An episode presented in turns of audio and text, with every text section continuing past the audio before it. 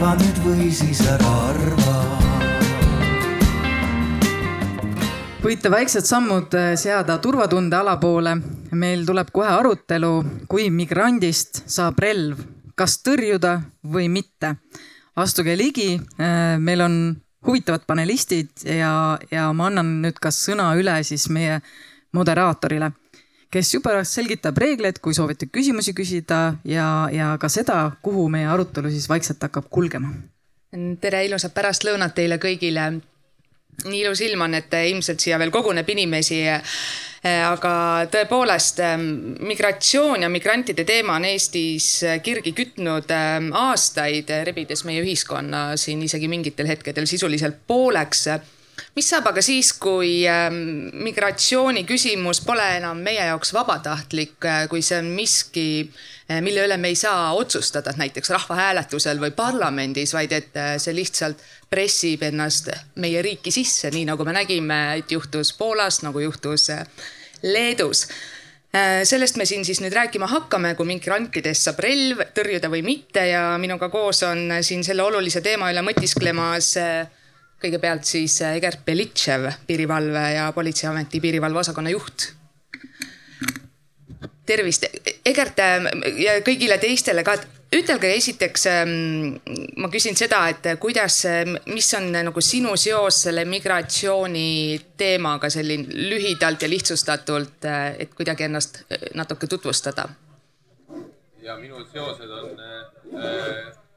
Üks-kaks on päris ilmsed, et äh, täna ka siis peadirektori asetäitjana piirivalvel äh, vastutame selle eest, et äh,, et piire hoida siis kontrolli all.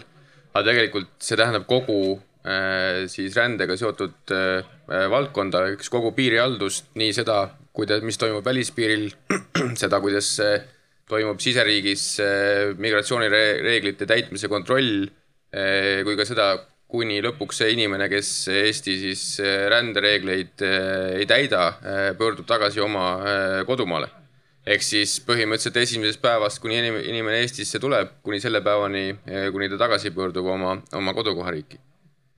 Aga... oma ajaloost lihtsalt võin öelda seda, et äh, olen selle teemaga kokku puutunud päris pikalt tänaseks võib öelda äh,, nii nagu äh, enamus äh, kolleegidest, kes siin diivanil istuvad, ehk siis tegelikult äh, alates sellest ajast, kui äh,, kui siis Politsei- ja Piirivalveameti kunagisesse eelkäijasse Äh, ühte nendest eelkäijatest Kodakondsus- ja Migratsiooniametisse tööle asusin ja tegelikult äh, migratsioonijärelevalve inspektorina, ehk siis olen rändeteemadega olnud seotud otseselt või kaudselt rohkem kui kuusteist aastat. aitäh, teie kõrval on Kari Käsper, ÜRO pagulasameti õigusametnik, et sama küsimus ka teile. ja tere ka minu poolt. Tõesti, mina tulen ÜRO pagulasametist ja meie ülesanne on on aidata pagulastel ellu jääda ja elus edasi jõuda. me oleme seal kohal, kus on pagulased. me aitame erinevatel viisidel, me oleme üle saja kolmekümnes riigis. Eestis konkreetselt oleme me küll suhteliselt väikese esindatusega, aga aitame riigil Äh, poliitikaid kujundada õigusloome osas. aga ütleme sellises laias pildis äh, seisame selle eest, et pagulaste õigused, äh, rahvusvaheline õigus pagulasvaldkonnas oleks kaitstud. ja mina olen ise, ma olen nüüd töötanud ÜRO pagulasametis UNHCR kaks ja pool aastat. Enne seda puutusin samuti varjupaiga valdkonnaga kokku, eh, kui juhtisin Eesti Inimõiguste Keskust. aitäh. Glen Jäärats, Riigikantselei Euroopa Liidu asjade direktor.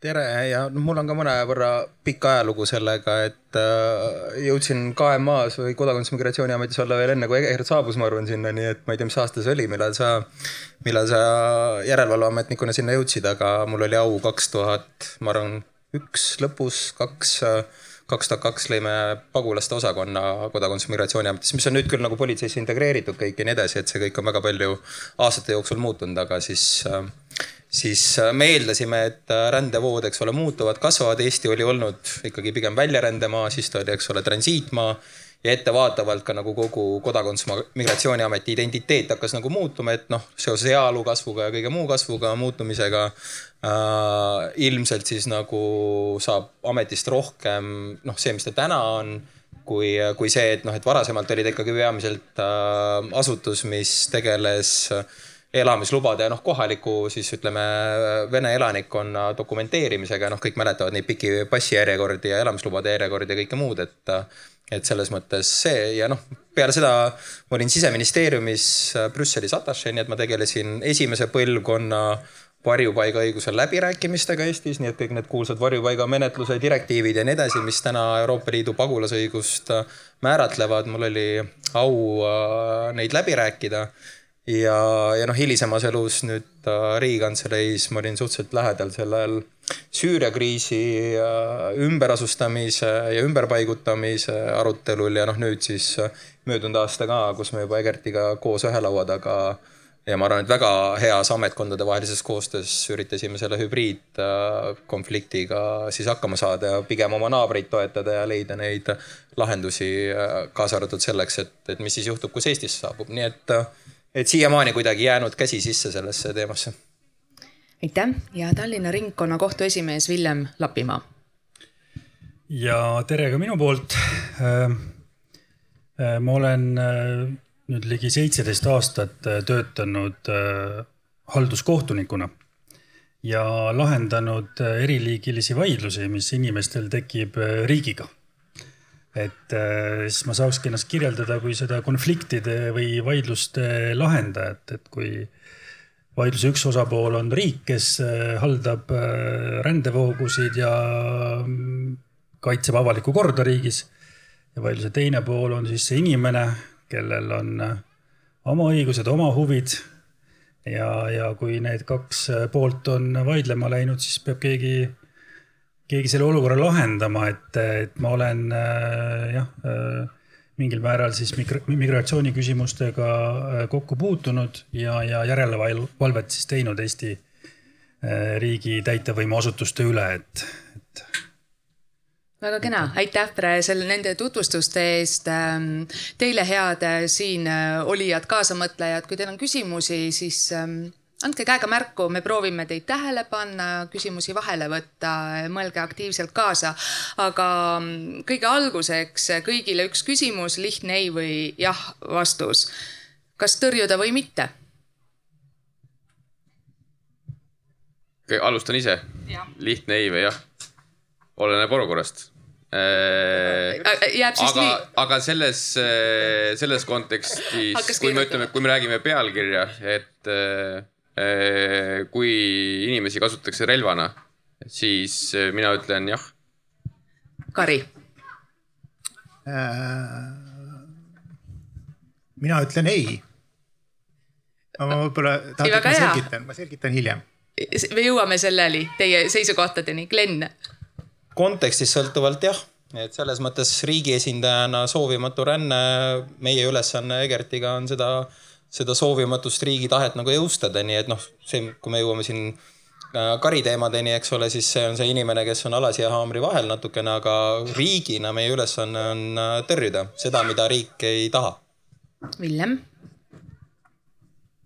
no mina nüüd üritaksin, üritaksin äh, leida mingit sellist kuldset keskteed. et kahtlemata riigil on õigus kontrollida oma territooriumi ja riigil on suveräänne õigus äh, otsustada, keda ta lubab oma territooriumile, mis tingimustel, kui kauaks ja nii edasi.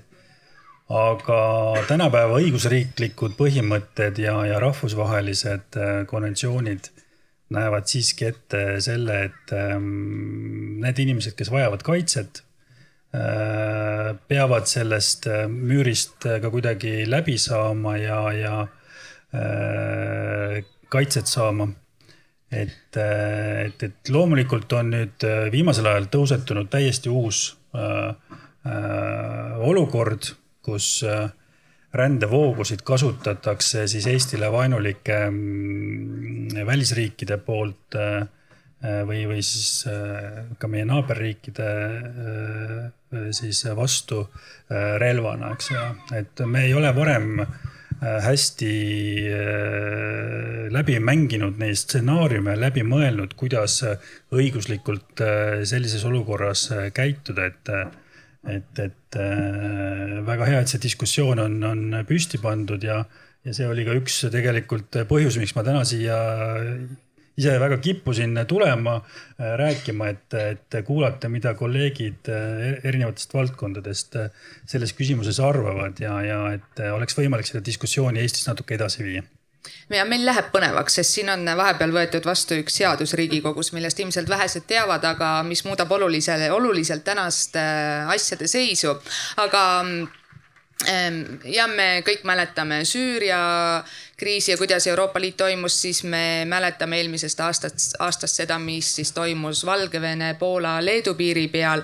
aga minule nagu tundub, et teie seisukohalt oleks õiglane, kui me korraks räägiksime läbi selle, mida see üldse tähendab, kui üks illegaalne piiriületaja, üks immigrant jõuab Eestisse, seega Egert nüüd, kui teie poisid on sealt minu kodukandist Piusa jõest välja sikutanud kaks äh, vot et peaaegu ära külmunud Somaalia päritolu meest, kes on nagu jõudnud nii kaugele, peaaegu Eestisse, aga mitte veel päris, siis mis saab nende meestega edasi? mitte ainult poisid, tüdrukud ka ja vietnamlased äh, Luhanga metsades põõsaste all, see segment on vist tegelikult päris kirju. Äh, mis saab edasi? Riigina ei ole me kindlasti välismaalaste vastu, ehk siis, et siit ei tasu võtta seda, et, et me oleme välismaalaste vastu. meie ülesanne, meie soov on nii nagu ka igal pool mujal, tagada seda, et, et järgitakse Eesti õiguskorda nii nagu me näiteks liiklusolukorras tahame seda, et järgitakse. aga kirjeldage seda protsessi, nüüd piirivalvurid on, nad panevad need inimesed autosse, nad kõigepealt soojendavad nad ülesse, annavad neile süüa, eks ole, ja siis teil hakkavad mingid menetlused, mis, mis need on, need toimingud? ja siis ma tahtsingi öelda, et need inimesed, kes ületavad ebaseaduslikult eh, meie piire, sest meie piire on võimalik ületada näiteks piiripunktides või, eh, või muul viisil. Need inimesed, kes ületavad ebaseaduslikult eh, meie piire, on toime pannud õigusrikkumise ja seal võib olla teatud nüansse, et milleks nad olid seda sunnitud tegema aga see tähendab seda, et meie jaoks me alustame menetlust, me alustame menetlust eh, tema ebaseadusliku viibimise osas kui seal ei ole muid asjaolusid, siis me alustame ka tema tagasisaatmismenetlust, eh, et tema, teda tagasi saata siis sellesse riiki, kus ta on meile saabunud. sa jätad nii palju vaheetappe vahelt ära, ma lihtsalt vahepeal mainin ka, et Eestil on Venemaaga sada kolmkümmend kaheksa kilomeetrit rohelist piiri, mida nüüd üsna edumeelselt ja äh, ehitatakse järjest äh, ületamiskindlamaks äh,. tara on uhke, tundub, et peab hästi vastu, et sealt enam nii lihtsalt läbi ei murra, aga see töö kõik protsess on pooleli. nüüd on nad teil seal piirivalvekord, te peate nendega suhtlema hakkama no somaallastega tundub, et on see võib-olla natuke lihtsam, aga vietnamlased, et eh, mulle keelebarjäär. ja igasuguste, selleks, et igasugused menetlustoimingud läbi viia, selleks loomulikult on meil vaja tõlki. Te võite muidugi arvata, mitu Somaalia tõlki Eestis on. kui palju neid on? Neid on täpselt nii palju, et neid on üks puudu siis, kui meil üks vaja on et eh, neid ei ole, neid tõlke ei ole, noh, ma toon näiteid eh, näiteks Vietnami rändest, eh, kui oli suuremahuline, meie jaoks suuremahuline Vietnami ränne Eestisse, kus tulid grupid kolmekümne, kahekümne kaupa inimesi Eestisse ebaseaduslikult, siis meil oli mm, loetud arv Vietnami keelt oskavaid inimesi Eestis osad nendest olid valmis tõlkima, äh, pooled nendest ei läbinud taustakontrolli äh, avaliku korra või julgeoleku mõttes. ja meil täpselt tuli kasutada kaks ja pool Vietnami tõlki kogu selle perioodi peale. pool sellepärast, et üks nendest oli, oli väga väikese lapsega kodus. et siis ta väga suurt aega ei saanud tõlkida, mis tähendab seda, et kujutage nüüd ette seda olukorda, kui me viime läbi Politsei- ja Piirivalveametina menetlustoiminguid ja vastavalt kehtivale õigusele, eh, kui me soovime neid inimesi kinni pidada, on meil õigus seda teha nelikümmend kaheksa tundi. ehk siis selle esmase neljakümne kaheksa tunni jooksul peame me nende kahe tõlgiga eh, ära menetlema kõik need kolmkümmend eh, inimest ja selle aja sees valmistame ette materjalid halduskohtule, et taodelda siis nende inimeste, kui me näeme, peame seda vajalikuks, nende inimeste siis pikemat kinnipidamist see on koormus meile, see on väga intensiivne tööl meile, see on kindlasti koormus tõlkidele, aga, aga nende tõlkide leidmine ei ole lihtne. ja me otsime neid ka mujalt eh, Euroopast. Nendel inimestel on õigus eh, paluda pagulase staatust. kas nad teavad seda, oskavad nad seda teha või kui hästi nad on informeeritud, on neile juhtnöörid ette antud?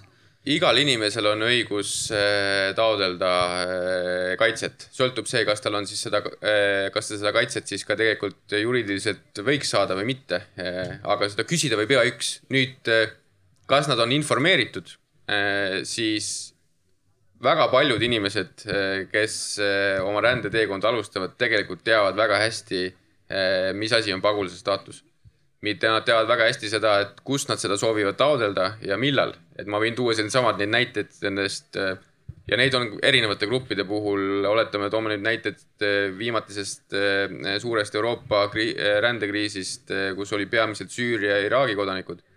siis need inimesed, kes saabusid, me mitmel juhul ja ka meie partnerid mujal Euroopa riikides tabasid mitmel juhul neid inimesi väga põhjalike juhendmaterjalidega, kus on kirjutatud, et kui sa saabud Saksamaale siis on sinu õigused sellised ja sellised, eh, sotsiaaltoetused sellises määras, majutatakse sind sellistesse kohtadesse, saad ööbida nii ja nii kaua, nii pikalt, onju. ja uskuge mind, Eesti ei paistnud sealt silma kui sellise kohana, kust tasuks esimese kohana eh, rahvusvahelist kaitset taotleda. ma siin ei ütle nüüd, et, et kõik inimesed, kes, kes saabuvad, eh, otsivadki siis endale lihtsalt seda puhtalt kullaauku, aga me peame arvestama seda, et neid inimesi, kes saabuvad, on väga palju erinevaid, nende taustasid on erinevaid, nende teadmised on erinevaid.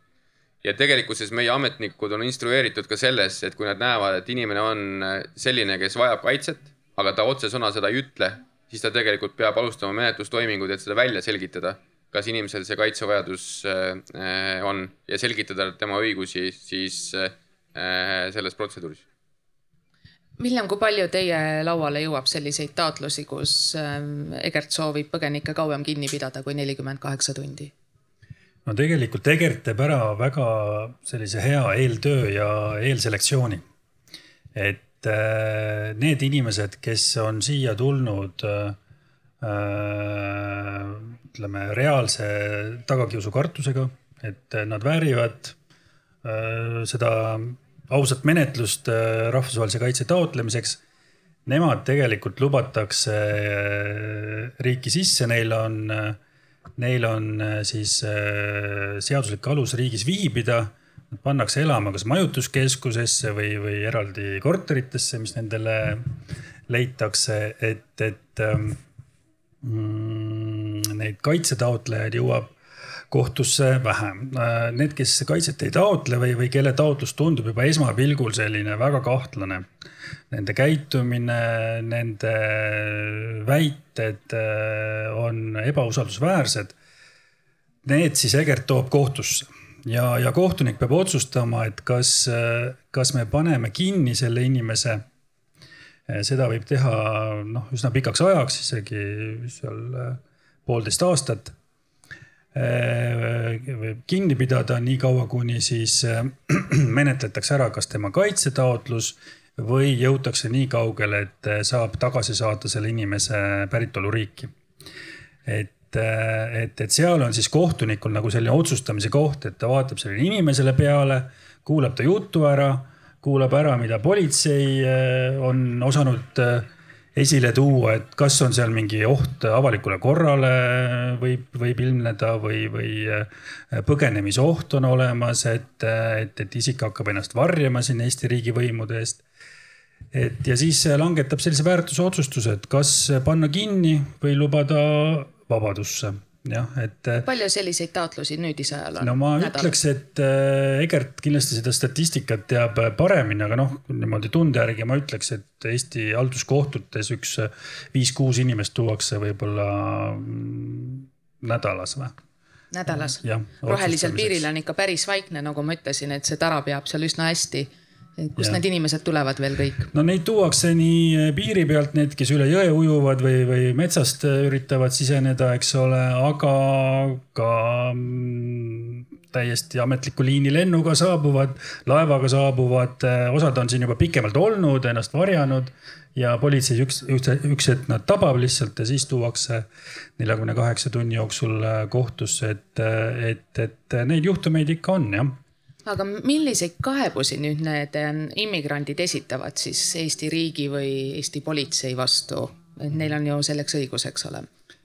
no kuna me oleme Euroopa Liidu riik ja, ja me oleme õigusriik, et siis on ka nendel immigrantidel, kes on Eestisse ebaseaduslikult tulnud ja nendel, kes on ka siin kaitset taotlenud, siiski mingisugused õigused. et need, me kohtleme neid ikkagi õigussubjektidena Nad on ikkagi inimesed oma, oma selliste plusside ja miinustega nagu iga, iga teine inimene. et, et ähm, me anname nende olukorrale sellise tervikliku hinnangu ja, ja mm, ja otsustame, et kas siis nende õigusi on piiratud õiguspäraselt, reeglina see on niimoodi, politsei töötab tegelikult väga hästi ja kvaliteetselt. tooge mõni näide, mingi kodusem näide varasematest aegadest, kui veel töö ei olnud nii sujuv. no ei noh, eks ikka me üritame vigu leida, eks ole, me peame enda olemasolu, kohus peab enda olemasolu ma toon selle ise selle inimliku ja, dimensiooni ette, et, et olles ma... kajastanud neid nii-öelda siis üle rohelise piiri tulevate illegaalide mm -hmm. küsimusi, et no seal tõesti, seal tulevad ju naised lastega ja nii edasi. nüüd, kui politsei palub ähm, pikendada nende kinnipidamisaega rohkem kui nelikümmend kaheksa tundi ja te näiteks otsustate, et jah, et siin see naine, kellel on näiteks väike laps, et teda me peaksime kauem kinni pidama, kuidas see siis nagu praktikas välja näeb? jah, et eh, see ongi siis see koht, kus eh, kohtunik otsustab, et eh, kas see ebaseaduslik sisserändaja, ta võib olla jah, tõesti alaealine, kas oma vanematega, mõned on isegi päris nagu omapäi, eks ole et äh, kas äh, sellise alaealise kinnipidamine nüüd äh, ikkagi on õigustatud ja inimlik, eks ole, ja, ja me oleme nüüd kohtupraktikas ikkagi kujundanud sellise seisukoha, et ma ei tea, mis, mis politsei sellest arvab, aga et lapsi me ikkagi nagu vangi ja kinni ei pane, ükskõik mis, mis asjaoludel siis see ebaseaduslik ränne on toimunud, on ju, et, et jah, seadust on rikutud kindlasti neil ei ole õigus äh, siin äh, Eestis viibida, aga üritame seda olukorda lahendada kuidagi teisiti ja, ja inimlikult, et äh, ega need lapsed on ka ikkagi suhteliselt sellises nutuses ja kehvas olukorras, et, et ärme alusta nagu noore inimese elu sellega, et ta peab vangla vang,, noh, vangla tingimustes sisuliselt seal kuid või, või isegi aastaid viibima ja siin on nüüd päris palju toiminguid olnud juba, eks ole, meil on tõlke vaja, meil on juba kohtunikud kaasatud, vahepeal nad on saanud, eks ole, elamiskoha, neile tuleb süüa anda. mind muide väga huvitab, kust te leiate äh, immigrantidele elamiskohad, et kuskilt KV-st vaatate, et kes pakub korterit või kuidas see on korraldatud? kui meil on, äh, kui me peame inimest kinni, siis selle jaoks meil on olemas eraldi jooned äh, väga hästi uuesti, uuelt ehitatud tingimuste poolest. ma arvan, et ei saa kurta. kõik teavad seda Vao-keskust aga neid on siis veel? ja, aga Vao keskus on see, kus siis on, kus viibivad äh, varjupaiga taotlejad, neid, keda ei ole kinni peetud ja need saavad vabalt liikuda seal. kinnipidamiskeskus täna asub äh, Tallinna vangla lähedal, ta ei ole küll täpselt sama hoone ja ta asub Tallinna vanglast piisavalt palju eemal aga tegemist on ikkagi kinnipidamisasutusega, äh, kuigi väga kaasaegsete tingimustega. ja seal peetakse neid isikuid kinni, aga seda, kui riik seda teeb, siis me peame arvestama ka nende õigusega, et noh, näiteks seesama lugu, et me peame arvestama ka rahvuslike eripäradega, mis jällegi paneb meile teatavaid selliseid nii-öelda täiendavaid toiminguid juurde, et eh, ma arvan, et meil kinnipidamiskeskuses on menüüsid rohkem kui tihti mõnes restoranis just sellepärast, et eh, rahvuslikud eripärad nõuavad eh, ühte, teist või kolmandat sorti toitu. võib-olla sul on mingisugused terviserikked, mis ei luba teatavaid toite süüa, siis äh, kui sa oled taimetoitlane, siis sa sööd ainult taimetoitu ja nii edasi. ja Villem, palun. kui sa enne küsisid, et too selliseid inimlikke näiteid, siis äh, selle jutu jätkuks, mis Egert siin rääkis, et mäletan, mul oli kunagi üks kinnipeetav ja, ja kuulasin teda üle ja siis küsisin, et kuidas seal kinnipidamiskeskuses need tingimused on, et koheldakse hästi ja, ja, ja kas, kas kõik on korras siis ta vastas mulle, et ma olen kõigega nõus, ma ei üldse, Eesti riik kohtleb mind väga hästi, aga mul oleks üks palve ainult, palun, et andke mulle seda tšilli kastet, et ma ei suuda seda magedat, magedat sööki, mida mulle seal pakutakse. ma ei ole elu sees nii magedat toitu saanud, et andke mulle tšilli kastet, palun, et siis ma hea meelega olen seal keskuses edasi.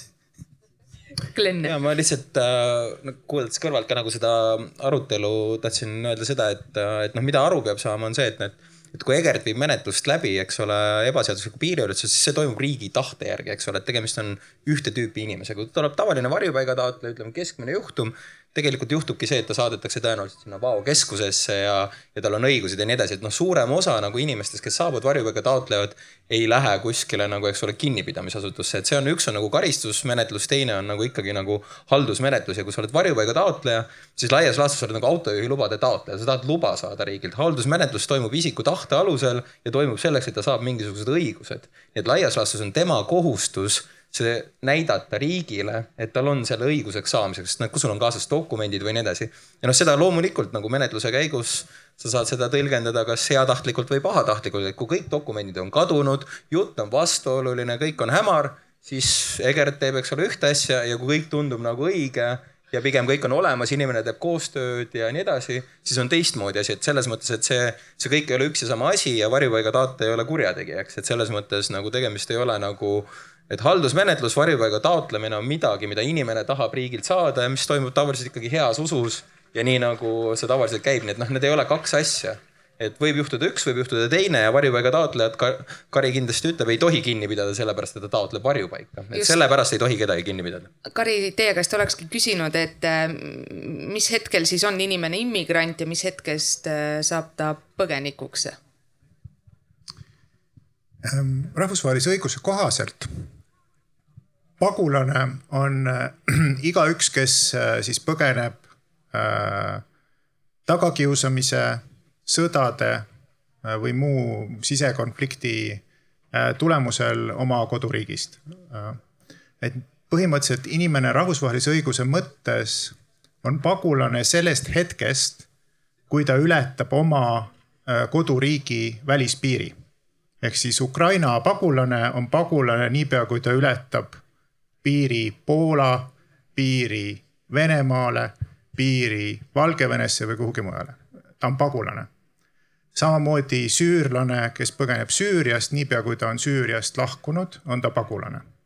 nüüd äh, see siseriiklik menetlus, mis läbi viiakse ja miks me nimetame seal osasid inimesi varjupaiga taotlejateks vahepeal, on lihtsalt selle pagulasstaatuse tunnustamine ehk siis kindlaks tegemine, kas inimene oli, aga see tegelikult on selles mõttes tagant, ütleme siis tagasiulatuv äh, staatus, võib-olla juriidiliselt see on keeruline kontseptsioon, aga pagulane on inimene sellest hetkest alates, kui ta lahkub oma koduriigist. ja ma võib-olla kommenteerin, äh, võtan, kasutan seda juht, juhust natuke kommenteerida, et, et kindlasti äh, väljakutseid Eesti varjupaigasüsteemis on erinevaid üldiselt ka meie vaates on ju asjad äh, päris heas korras, et täpselt ongi nii, et kedagi täna kuskilt piirilt tagasi ei lükata, hakatakse inimeste taotlusi menetlema. noh, võib-olla meil on siin eriarvamusi kohati olnud selles, et kas see äh, ütleme lävend, millest alates taotletakse inimese kinnipidamist, on õiges kohas samuti ka see, ütleme kinnipidamiskeskuse, noh, lihtsalt ei saa nagu kõrvalt kuulata seda, et kinnipidamiskeskus on tõesti uus aga, aga siiski, kas ta on sobiv äh, migratsiooni äh, või siis ka varjupaiga taotlejate kinnipidamiseks, et siin äh, on meil ka erinevaid seisukohti ja kindlasti ei ole see karistus, et inimesed on ei, ei, ei varjupaiga taotlejate puhul ega ka nende teiste inimeste puhul. ja kolmandaks võib-olla ka see keelekasutuse küsimus, et siin on ka nagu selline stigmatiseeriv küsimus, kui nimetada inimesi illegaaliks või ebaseaduslikuks, et siis seda ei tohiks tegelikult teha varjupaiga taotleja võib piiri ületada piiripunktis, võib varjupaiga taotlust esitada riigi sees või võib ületada rohelise piiri, et see, see ei muuda kuidagi tema, tema olemust või, või tema pagulas selle äh,, tema varjupaiga case'i äh, sisu. Ähm, et, et noh, meie eelistame, kui kasutatakse kas siis ebakorrapärane piiriületaja või, või ületas piiri selleks mitte ette nähtud kohas, et see tegevus on oluline, mitte see inimene seda on äh, väga huvitav teada, aga ütelge, mm, mis me siis teeme nendega, kes nüüd seda põgeniku staatust ei saa, neil ei ole selleks õigust? Need inimesed tuleb võimalikult kiiresti ja inimväärikalt äh, tagasi saata oma koduriiki äh,. mida kauem inimene Eestisse jääb, seda raskem väljasaatmine on. nii et äh, on ka nii inimese enda huvides kui riigi huvides on see, et menetlus oleks võimalikult kiire ja samas kvaliteetne. ja et need inimesed, kes varjupaika taotlevad, aga seda ei vääri, pärast kõiki kohtuastmete läbimist saadetakse võimalikult kiiresti tagasi. ja siin on ka noh, meie kolleegid rahvusvahelisest migratsiooniorganisatsioonist, neil on ka vastavad tagasipöördumise programmid, mis aitavad neid inimesi siis ka kohtu, koduriiki uuesti sisse elada, maksavad nende, noh aitavad neil tagasi minna, kui nad, kui nad seda soovivad vabatahtlikult teha kui kaua üks selli-, ühe inimese juhtum, selle menetlemine, kui kaua see aega võtab äh, otsuseni, et kas me peame ta saatma tagasi või ta saab kaitset meie juures? nüüd äh, see, kui inimene taotleb rahvusvahelist kaitset, siis äh, seal on teatavad menetlusreeglid, ehk siis, et inimesel on, tema taotlus vaadatakse läbi, seda võib vaadata läbi kuni kuus kuud. Ja selle aja sees peab tegema otsuse selle inimese siis selle rahvusvahelise kaitse taotluse alusel.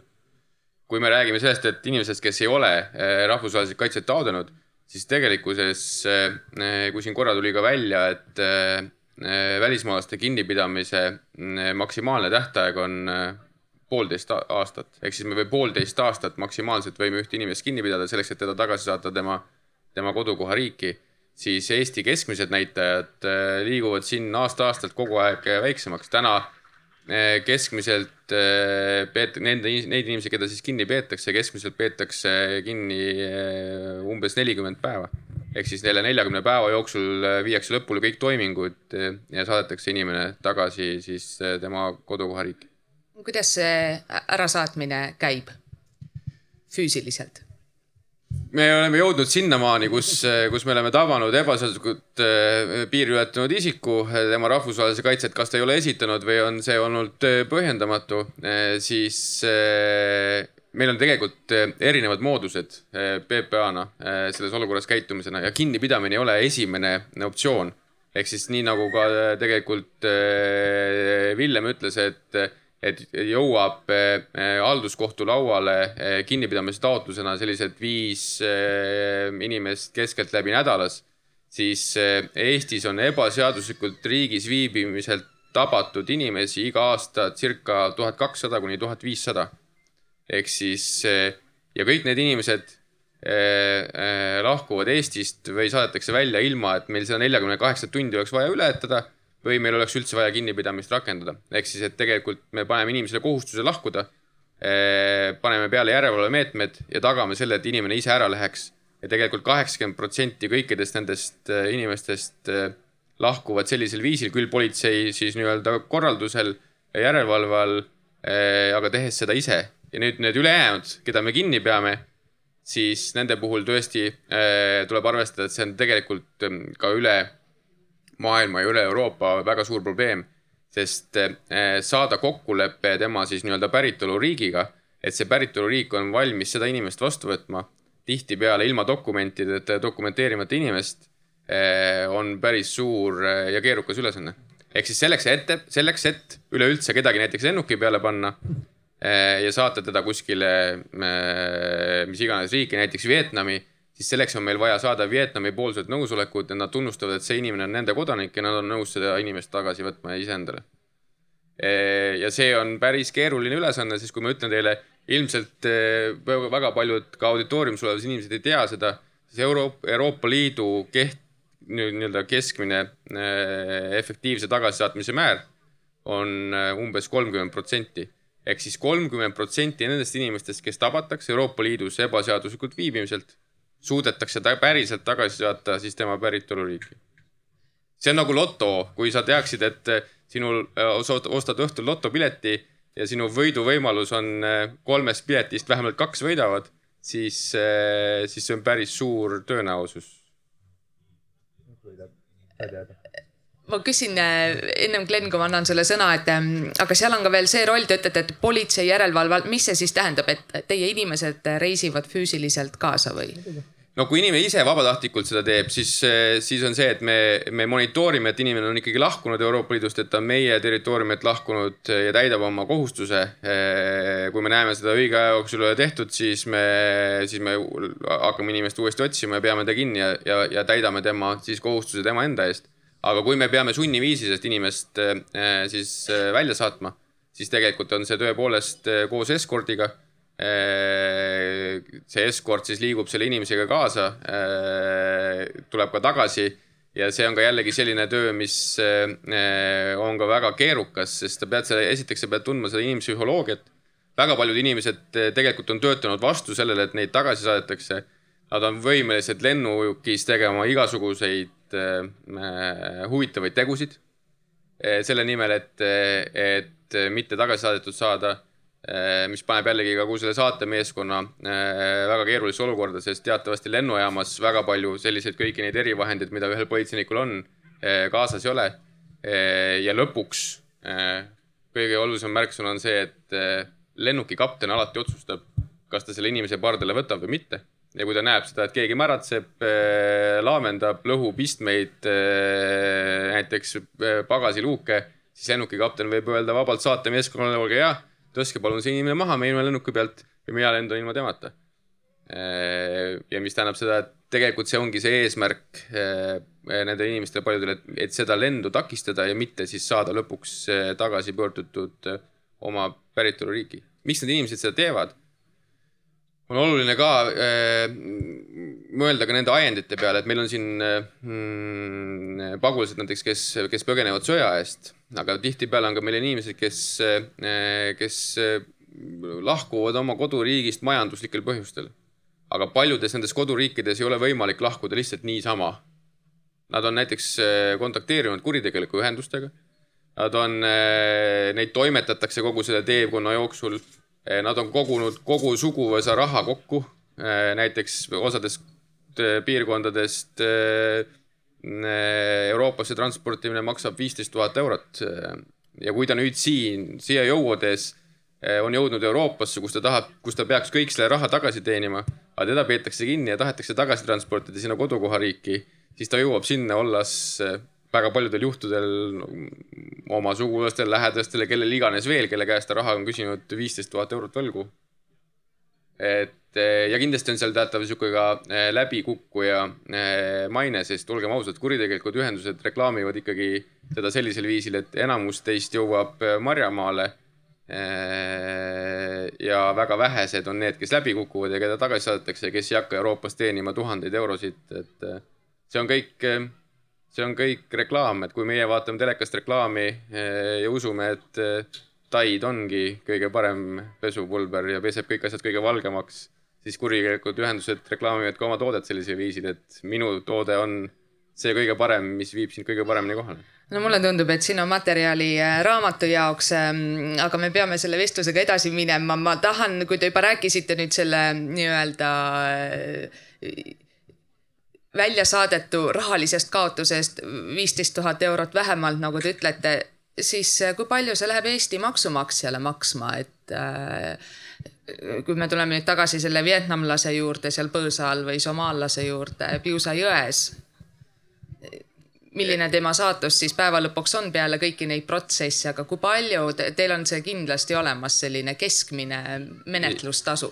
ja et see on väga erinev, see sõltub sellest riigist, kuhu teda saadetakse, eks ju, Venemaale on palju odavam saata inimesi, Ukrainasse oli ka enne seda, kui sõda algas, tõenäoliselt palju odavam saata. kui me räägime eksootilistest riikidest, pikaajalistest nagu menetlustest, siis tegelikult me räägime keskmiselt seitsmest tuhandest eurost, mis kulub selle inimese kinnipidamise peale, tema saatmise peale, tema saatemeeskonna peale iga inimese kohta.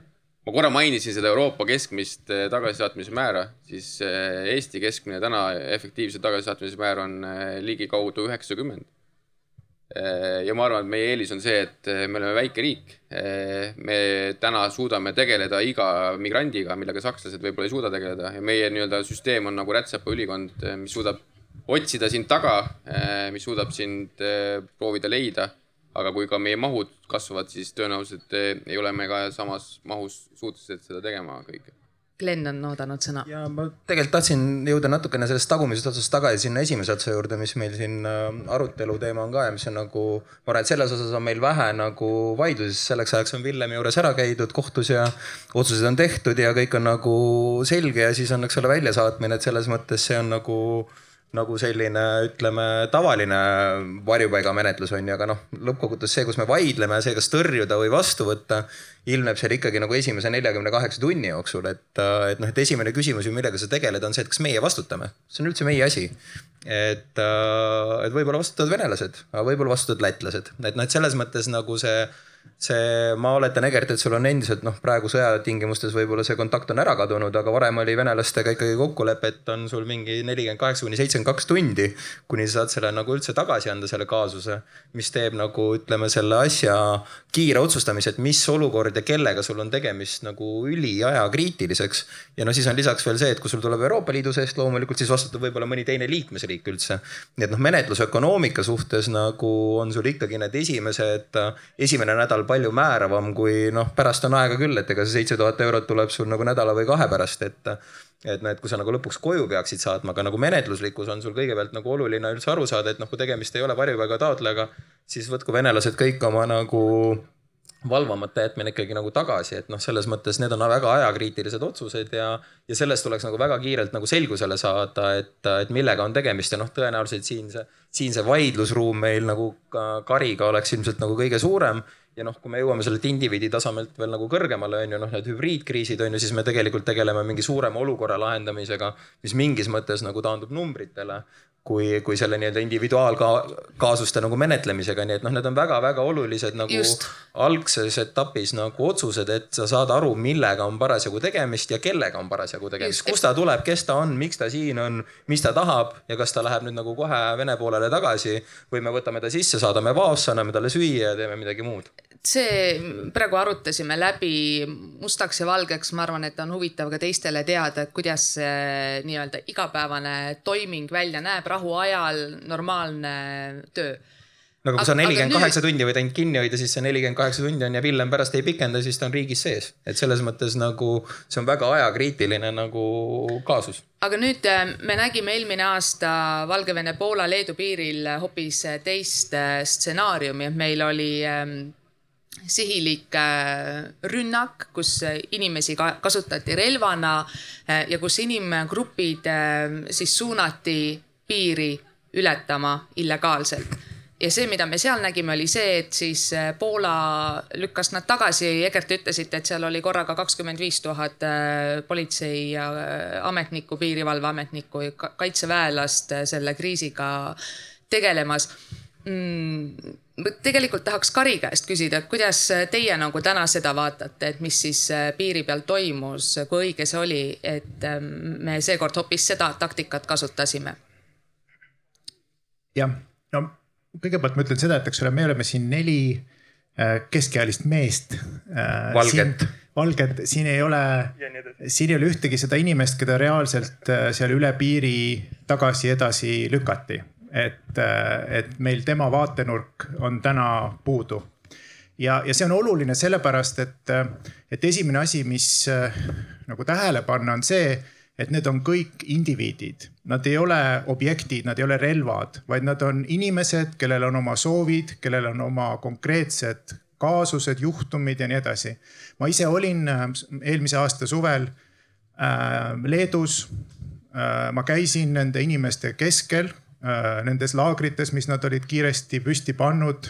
Äh, see oli väga huvitav kogemus olla sellises äh, Äh, ma ei tea, endise polügooni keskel kuskil kaheksasaja äh, väga erinevast rahvusest äh, mehe keskel, kes siis seal väga halbades tingimustes pidid, pidid olema.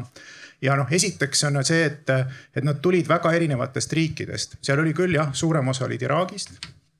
Aga kokku oli seal üle kolmekümnest, üle neljakümnest riigist inimesi Äh, meie mõistes on see niinimetatud noh, inglise keeles mixed movement ehk siis äh, seal seas oli ka pagulasi seal oli selgelt inimesed, olid ka inimesed, kes olid tulnud Aafrika, mõnest Aafrika riigist, kellel oli ette näidata äh, meie UNHCR-i välja antud pagulastunnistus.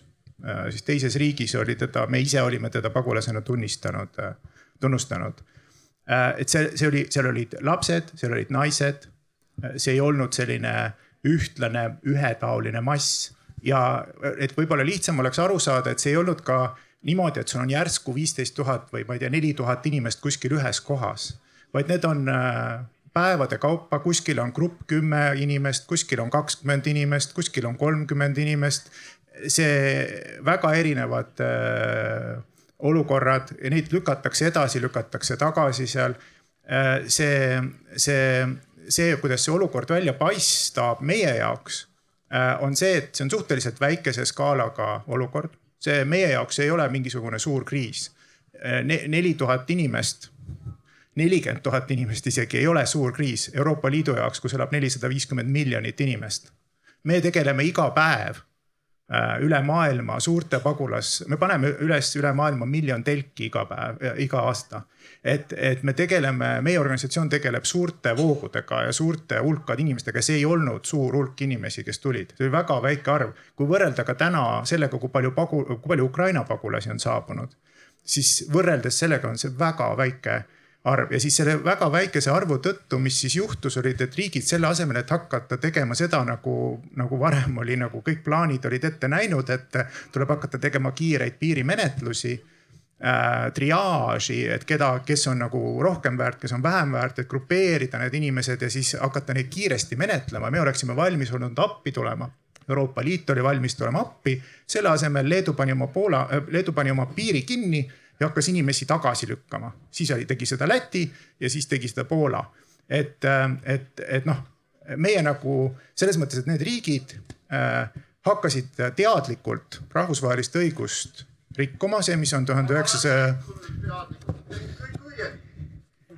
Ähm, ma arvan, et teil on võimalus rääkida äh, kui teile sõna antakse. andke käega märku, härra, kui te soovite midagi ja. täpset küsida, siis me proovime aga, teile sõna anda. aga meil on äh, üle seitsmekümne aasta on eksisteerinud äh, selline hästi hoolikalt välja kujundatud rahvusvaheline pagulaste kaitsmiseks mõeldud rahvusvaheline süsteem ja see, kui me lihtsalt inimese ilma individuaalset menetlust läbi viimata, ilma aru saamata, mis selle inimese lugu oli, kas tal, ta elu võiks olla ohus, kui ta tagasi lükatakse. ilma seda kõike tegemata, kui me inimese tagasi lükkame, siis see lihtsalt lammutab seda olemasolevat äh, süsteemi. ja üks lisadimensioon sealjuures on see, et meie jaoks oli see ka väga ohtlik seetõttu, et see on Euroopa Liit see on äh, piirkond, mis peaks olema teistele maailma riikidele eeskujuks inimõiguste, demokraatliku valitsemise, õigusriikluse mõttes. ja kui nüüd siin sellist asja lubada, siis äh, millise noh, kui, kui sama, samasuguses olukorras tulevad meie juurde Aafrika riigid, tulevad Aasia riigid, tulevad Ladina-Ameerika riigid, riigid, Lõuna-Ameerika riigid, siis mis jääb järgi äh, rahvusvahelisest pagulaste kaitseks mõeldud rahvusvahelistest reeglitest siis sellest ei jää midagi järgi. Ja see tähendab seda, et need sada miljonit inimest, kes täna on olnud sunnitud oma kodudest põgenema, nendel enam seda rahvusvahelist kaitset sisuliselt äh, suurel määral ei ole. Või see oht on, et see kaob järjest, aheneb ja aheneb. Ja inimese valikud taanduvad kaheks. kas surra kodus või surra kuskil mõne riigi piiril?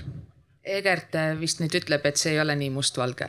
ja ma tahan äh, öelda seda, et kahte asja. Äh, ühte asja ma tahan esiteks öelda seda, et üks, mitte ükski äh, või noh, enamus nendest rändekriisidest, mida Euroopa Liit on kogenud, ei ole hakanud, äh, välja arvatud nüüd Ukraina sõda, mis siin on, ei ole hakanud kunagi miljonist korraga. ehk siis nad on kõik hakanud mingitest numbritest ja Leedu-Valgevene piiril hakkas see neli tuhat inimest kuus.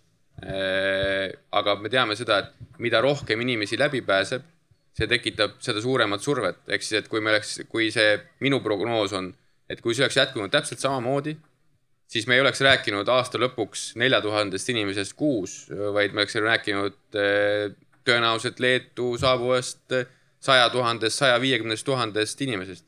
ja üks oluline nüanss on see, eh, mis Leedu-Valgevene kriis, eh, seal Läti, Poola täpselt samamoodi juures, mis tuleb tähele panna võrreldes kõikide eelnevate pagulaskriisidega, on see, et need inimesed toodi kuskilt mujalt ja üritati suunata Euroopa Liitu, nad, see ei olnud mitte nende is, nagu iseeneslik liikumine, vaid seda korraldas Euroopa Liidu naaberriik.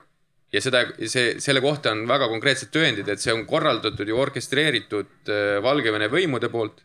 Need seosed on seal näha väga otseselt seda on näha ka teiselt poolt, kuidas Valgevene piirivalve mitte siis ei ürita teha oma tööd, vaid Valgevene piirivanne suunab neid inimesi Euroopa Liidu poole ja surub neid üle eh, kõikide vahenditega. ehk siis see on väga erinev kõikidest muudest, mida tuleb tähele panna. ehk siis seal seda korraldas mitte see inimene ise, vaid korraldas meie naaber, Euroopa Liidu naaberriik.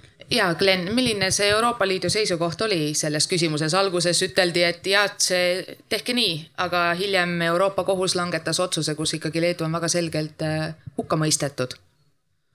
Ei no ma arvan, kohus ei mõista hukka, kohus mõistab õigust antud siis nagu individuaalkaasused on ju, et selles mõttes kohus ei anna mingile olukorrale hinnangut, kohus annab hinnangut selle inimese suhtes, keda siis nagu ma ei tea, kas peeti kinni, hoiti kinni, kuidas teda nagu koheldi ja nii edasi, on ju, et selles mõttes äh, kohus ei anna mingisugust üldhinnangut, et kohus ei ole poliitiline organisatsioon. ma lihtsalt Karile vastu tahtsin öelda seda, et, et kui ma ei eksi, siis nagu Valgevene ja Venemaa on Genfi konventsiooni osapooled et miks UNHR ei öelnud, et nagu teie ülesanne on nendel inimestel kaitset anda, teie veate nad ette, teie toote nad ära, põhimõtteliselt võib nimetada seda ümberasustamisorganisa-, operatsiooniks.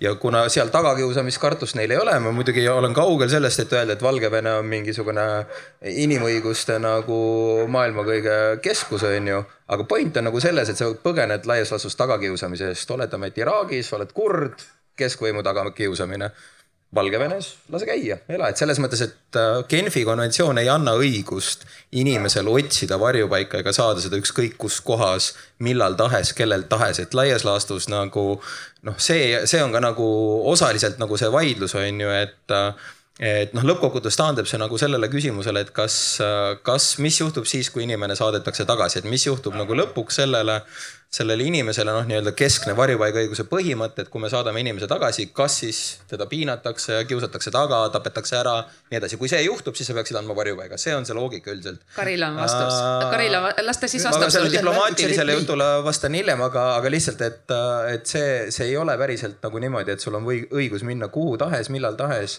ja, ja taotleda sealt varjupaika, et seal laias laastus peaksid ikkagi taotlema esimeses kohas, kus sul on selleks, selleks nagu õigus kus sa pead seda turvaliseks, aga, me ei tea ilma individuaalset menetlust läbi viimata, me ei saa hinnata, kas Valgevene oli turvaline kolmas riik või mitte. ei no see on nagu, see omab nagu tähendust nagu sellele, et see on nagu tagasipannus ka inimese perspektiivis, kes põgeneb tagakiusamisest, mis tõenäoliselt on päri, olnud tema nagu päritoluriigis, on ju. siis laias laastus sa peaksid ju saama varjupaika nagu konventsiooni teise osapoole juures kes peaks seda kaitset siis sellele inimesele andma ja noh, minu teada nagu Venemaal ja, ja, ja Valgevenes on see täiesti nagu võimalik, et ma ei tea, et nad oleksid seda seal nagu proovinud, eks seal ole. oli päris suur hulk näiteks geisid, et kas ta, kas sa arvad, Glen, et geidel Valgevenel ja Venemaal on hea saada varjupaika või? ma ütlen, et ma ei ole nagu, nagu praktikaga kursis, mismoodi käsitletakse seda nii-öelda sotsiaalse grupi määratlust, see on äh, varjupaigaõigus väga eriline kaasus, vähemalt siis oli, kui mina sellega intensiivselt tegelesin, mõni riik ütles, et geid ei ole eriline grupp ja üldiselt äh, ka ühiskonnas ei ole, see on nagu väga spetsiifilises kontekstis, selle riigi kontekstis, kus nad pärit on, ma ei tea, võib-olla Somaalias on eriline, aga Rootsis ei ole, on ju.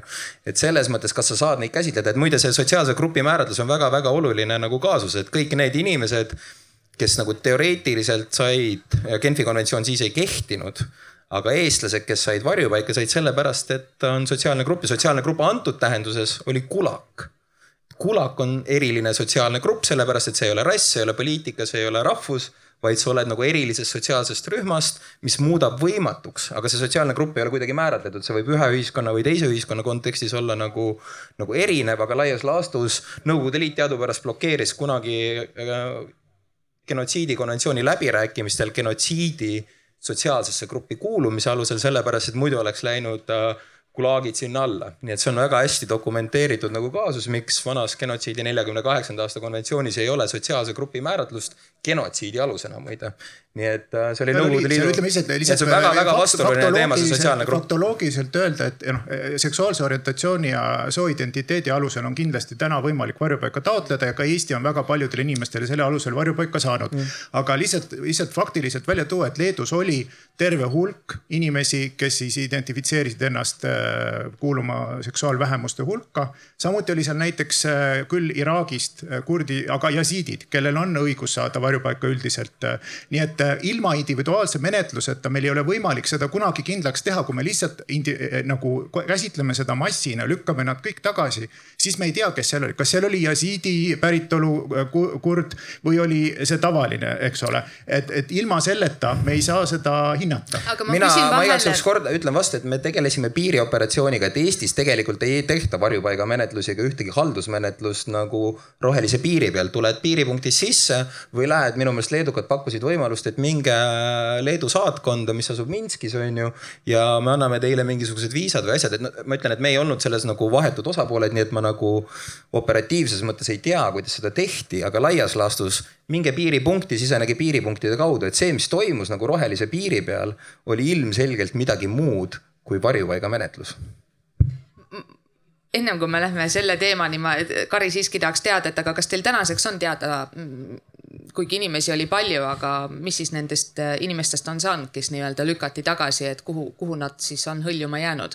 no seda me ei tea, mis nendest on saanud, kes tagasi lükata, osa on kindlasti Valgevene kaudu, kuna meil on ka jah, Valgevenes tõesti kolleegid, äh, osa on äh, Valgevenest tagasi liikunud siis oma koduriiki osa võib-olla noh, suur osa nendest pääses läbi piiri ka, keda ei püütud kinni siis piiril aga, aga mis lihtsalt välja tuua, et nendest nelja tuhandest, keda siis alguses sisse lubati, et kuni siis see piir kinni pandi et nendest isegi Leedu siis varjupaigamenetluste tulemusel, mida siis tehti kiirustades, mis ei olnud kvaliteetsed päris.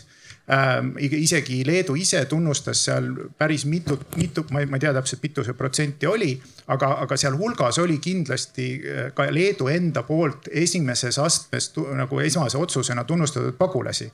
nii et äh, me ei saa kuidagi öelda, et see, äh, need inimesed, kes kõik sinna piirile saabusid, et seal ühtegi pagulast ei olnud seda ei saa öelda ja seda ei ole ka Leedu menetlus hiljem näidanud ehm, see ei ole põhjuseta, miks me sel teemal nii pikalt peatume ja nii palju sellest räägime, sest tegelikult äh, ma annan teile sõna, ma juhatan selle järgmise olulise teema sisse, me, me võtame teie küsimuse ka, aga mm, selle, ma saan aru, et suve hakul, eks ole, siseministeerium valmistas ette ja Riigikogu siis võttis ka vastu riigipiiri seaduse ja sellega seotud seaduste muutmise seaduse, mis tegelikult ähm, mulle tundub, et on kõige lihtsam, kui Villem teie paari sõnaga seletate selle lahti, siis on vist kindel, et läheb täpselt pihta, aga noh, mis sisuliselt ütleb seda, et täna, kui Eesti riigil peaks juhtuma selline stsenaarium, nagu me nägime Valgevene-Poola, Valgevene-Leedu piiril, siis tegelikult meil täna riigis kehtib seadus, mis lubab tõrjuda. Nii et äh, see arutelu on siin ka justkui äh, fiktsioon, et me arutleme selle üle, aga seadus äh, selle tegemiseks äh, juba on olemas on see nii? ma ütleme väga niimoodi üldistatult ja kokkuvõtlikult äh, räägiks selle, sellest Euroopa Kohtu otsusest, mis äh, Leedu kohta tehti ja, ja mille valguses me saame hinnata ka meil siis vastu võetud selle seadusemuudatuse õiguspärasust, et, et seal kaasuses oli, oli siis põhiküsimus see, et kas Leedul oli õigus vastu võtta seadus, mis ütles, et sisserändaja tohib oma pagulase taotluse esitada ainult mõnes asukohas ja need asukohad olid piiripunktid, eks ole. et kui ta siseneb sealt Valgevenest äh, Leedu territooriumile või Poola territooriumile, et ta tohib seda teha ainult läbi piiripunkti ja esitada seal oma äh, kaitsetaotluse. Äh, Euroopa Kohus ütles, et äh, Leed-, see mm, Valgevene ütleme siis orkestreeritud äh, sisseränne, see operatsioon ei olnud nii eriline olukord siis Euroopa Liidu liikmesriigi jaoks, et kalduda kõrvale sellest reeglist, et inimesel, kes on tulnud kas seaduslikult või ebaseaduslikult liikmesriigi territooriumile, on igal pool, kus ta satub olema, õigus politseile öelda, ma palun asüüli, palun varjupaika, eks ole.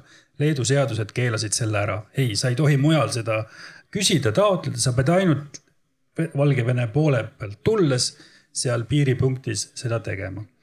et äh, Leedu üritas siis kaitsta oma riiki, oma avalikku korda ja, ja võttis sellise päris tugeva äh, nagu malaka kasutusele, eks ole, et mis, mis äh, senise nagu praktikaga ja, ja pagulaste õigustega hästi kokku ei lähe ja Euroopa Kohus noh, ütleski, et see nüüd hästi siiski ei sobi, nii et see viib mind esialgsele järeldusele, et ka Eestis vastu võetud normid on noh, nende õiguspärasus on kaheldav, eks kui need kohtuasjad tulevad, siis tuleb ära kuulata kõik äh, huvitatud osapooled ja, ja vaadata faktidele otsa, et, et, et ja siis otsustada. kumb, mis, mis Eestis kehtiv õigus on, et ma selle ette nagu öelda ära ei tahaks, aga noh, ütleme niimoodi, et kahtlus on siiski tõsiselt üleval ja noh, analüüsi peaks tegema siseministeerium ja, ja politsei inimesed, et, et, et kas me mitte ei või samasse lõksu astuda, mis, mis Leedu. aga siiski äh, natukene äh, teist külge tahaks ka esile tuua, et Kari juttu kuulates ma nagu noogutasin kaasa, et jah see kõik, mis ta rääkis, läheb täiesti kokku nagu sellise klassikalise arusaamaga, et vaene selline siis äh, kaitsetu põgenik tuleb äh,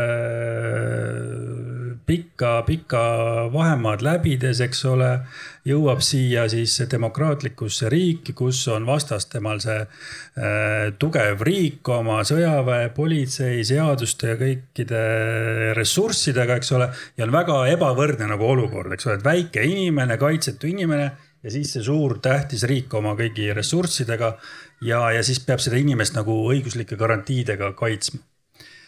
et äh, senises klassikalises pagulasõiguses me ei ole tegelikult läbi mänginud sellist stsenaariumi, kus äh, neid pagulasi kasutatakse ära äh, hübriidsõjas siis äh, riikide vahelises konfliktis. et see on nagu õiguslikult täiesti uus olukord hübriidkonflikte, sõjalisi konflikte reguleerib tegelikult rahvusvaheline õigus Äh, riigil on õigus ennast kaitsta, äh, ükskõik milliseid siis äh, meetmeid see, see vaenulik riik meie vastu kasutab. ja, ja siin ma arvan, meil tuleb küll hakata ümber mõtestama neid õigusi, mis tuleb siis Genfi pagulaskonventsioonist ja muudest rahvusvahelistest instrumentidest. Et kui palju siis peab riik Eh, tagama sellises eh, väärtuskonflikti olukorras eh, selle pagulase õigused ja, ja, ja kui palju ta saab ikkagi eelistades oma julgeolekuhuve, et võtame näiteks sellise näite. nii, üks päev on meil seal Narva silla pealt hakkavad üle jalutama kümned või, või sajad noored mehed, eks ole. Noh, täägid kaasas, võib-olla ei ole täägid kaasas. munder seljas ja, ja saabuvad siis sinna Eesti piirivalvurite juurde ja ütlevad äh, äh, asylum, please, asylum, eks ole, nii äh,. ilmselgelt võib olla tegemist lihtsalt ühe Vene sõjaväeosaga äh,, kes, kes jalutab üle Eesti piiri, eks ole et nüüd Genfi konventsiooni nüüd formaalselt ja klassikaliselt tõlgendades me peaksime need kõik vastu võtma, ah tere, äh, palun väga, hakkame teid menetlema, äh, vaatame individuaalselt teie taotlused läbi kas te olete siis seal Venemaal rõhutud äh, gruppide, tagakiusatud gruppide hulgas, eks ole. kui ei ole, saadame teid üle piiri tagasi. et see ei ole ju ometigi mõeldav stsenaarium ja situatsioon, eks ole, et sellises olukorras nagu tuleb ilmselt esile see, et, et, et hübriidsõja kontekstis me ei saa Äh, neid varasemaid arusaamu ja kontseptsioone äh, üks-üheselt äh, üle võtta. lihtsalt kommenteerin, et see ei ole üldse kuidagi eriskummaline olukord ja seda on ajaloos selle seitsmekümne pluss aasta jooksul, mis pagulaskonventsioon on kehtinud, et selliseid olukordi on muidugi tulnud kogu aeg, noh, selles mõttes, et et, et varjupaik on ikkagi õigus, on tsiviilelanikel. inimesed, kes osalevad teise riigi äh, sõja või, või kes on äh, nagu osa mingisugusest sõjaväestatud või, või mingisugusest jõust. Äh, nendel kindlasti ei ole mitte mingit õigust mitte mingisugusele varjupaigale ega seda küsida ükskõik kuidas, kunas ja millal, et see varjupaigaõigus on väga selgelt ikkagi tsiviilelanike jaoks, mitte mitte, et siin on nagu see, see ei ole küsimus siin seda olukorda, siin on väga selgelt riigil õigus öelda, et oma piire kaitsta ja, ja ega siis äh, noh, äh, neid inimesi ei pea kindlasti keegi sisse laskma. Glen, Glen oli esimene kommentaar ja siis Egert kohe järjekorras ja no ega see praktiline raskus, sa saad aru, et noh, et me muidugi väga kõrgel poliitilisel tasemel oleme kõik sellega nagu nõus, on ju, et, et igal riigil on õigus ennast kaitsta. ja siis me jõuame nagu lõpuks välja selleni, et aga kuidas, on ju. ja siis noh mingis osas üks, üks väide on nagu see, kõik tuleb sisse lasta, siis teete kindlaks, et tegemist on luurajate ja terroristidega ja siis saadate nad tagasi seitse tuhat eurot. ei no terror, nagu, terroristid lihtsalt... tuleb vangi panna, terroristid ei tuleks tagasi saata, terroristid lihtsalt, tuleb ma, ma karistada. ja ei, ma lihtsalt saan aru, aga lihtsalt haldusmenetluslikult tähendab see seda, et kust me teame, kes need seal silla peal on. et see nagu vastus sellele on see, et kutsume nad sisse siis me algatame menetluse, teeme taotluse, siis teeme intervjuud, siis äh, viime Villemi juurde, eks ole, võib-olla peame kinni. noh, ega me ju tegelikult ei tea, kes need inimesed nagu otseselt lahendus. nagu on. mul ei ole lahendust, ma lihtsalt tahan juhtida tähelepanu sellele, et eh, politsei ja piirivalveametina meil on nagu kaks ülesannet, üks asi on see, et meie ülesanne on tagada inimeste turvalisus. meie tagame, meie ülesanne on tagada see, et eh, Eestis ennast inimene tunneb turvaliselt, ükskõik kes see on, ükskõik kes see inimene on, kes on siin, jälgib õiguskorda, et ta tunneks ennast turvaliselt teine ülesanne sellesama asja raames on see, et me peame tagama meie õiguskorda ja me peame tagama seda, et tunneks turvaliselt. ja meie peame lähtuma ja nii tegi ka Leedu piirivalve, me peame lähtuma nendest väga lihtsatest asjadest. ja ma juhin nüüd ühe tähelepanu sellele nii-öelda õiguslikule dilemmale, ehk siis, et kui võiks tunduda, et see on kõik nii lihtne, onju, siis tegelikult ei ole, onju. et kui näiteks Kari, sa ütled praegu, et äh, varjupaika saaks taotleda ainult tsiviilelanik ja seda, kui sa oled äh, välisriigi relvajõudude äh, liige, on ju, siis sa tegelikult ei saa varjupaika taotleda. ja ma, ma lihtsalt toon siukse hüpoteetilise olukorra. oletame, meil homme on Luhamaa piiripunktis äh, Pihkva dessantdiviisist tulev mees sõjaväe vormis Venemaalt ja ütleb, et ma sooviksin Eestilt varjupaika, sellepärast et ma ei toeta Venemaa sõda Ukrainas ja ma tahaksin sealt põgeneda. ma tean, kui ma seda ei tee siis mind saadetakse Ukraina rindele ja võib-olla deserteerumise eest tapetakse. nii, kas siis sellise inimese me lükkame kõrvale, sellepärast et ta on sõjaväejõudude osa? sa teed kindlaks, kas ta on või ei ole. kui ta on deklareerinud äh, selgesõnaliselt ja tema noh, see tõendid näitavad, et ta on tegelikult ka loobunud osalemast ja tõesti, siis muidugi. ja mis tähendab seda, et kui meil ülehomme, täna on see üks mees, aga ülehomme on terve Pihkva dessanti viis nii palju, kui neid järel on seal Luhamaa piiripunktis. ju ütleb, et me ei toeta seda. ja ei taha minna Ukraina sõtta. siis me peaksime laskma kõik sisse, kujutage ette, milline oht avalikule korrale on, kui kogu Pihkva dessanti viis astub meile sisse, me hakkame neid menetlusi läbi viima. mitte avalikule korrale, vaid julgeolekule. ma arvan, et Pihkva dessante viis eh, selle hullumeelse, kes Moskvas istub eh, unelmates, võikski niimoodi Eestisse sisse kõndida aga Egert, eh, tegelikult küsimus teile on see, et kuuludes siseministeeriumi haldusalasse, miks selle seaduse vastuvõtmine sellisel kujul Politsei- ja Piirivalveametile nii tähtis on? see on meie jaoks. mida te kardate, ma küsin siis nii mis on need teie hirmud? meie ülesanne on tagada Eestis, eh, Eesti elanikule, eh, siin viibivale inimesele tema turvalisus ja selle, see tähendabki seda, et me peame balansseerima nendes, eh, nendes õiguslikes siis ringides. ma küsin vastu kohe, et kas meil varem, varasema seadusandluse juures ei oleks olnud võimalik Eestile tagada turvalisust, noh, me pikalt arutasime siin läbi, et kuidas kogu see menetlustoiming käib ja nii edasi, et mis need nõrgad kohad on et ja... miks me ei saa turvalisust tagada siis, kui neid on seal piiri taga korraga väga palju? ja sellepärast ma tahtsingi selle tähelepanu juhtida, et tegelikult, kui me räägime ka Euroopa Liidu õigusest, siis Euroopa Liidu õigus ei räägi eh, nendest asjadest, mis on riigi julgeoleku küsimus ja selline asi on julgeoleku küsimus.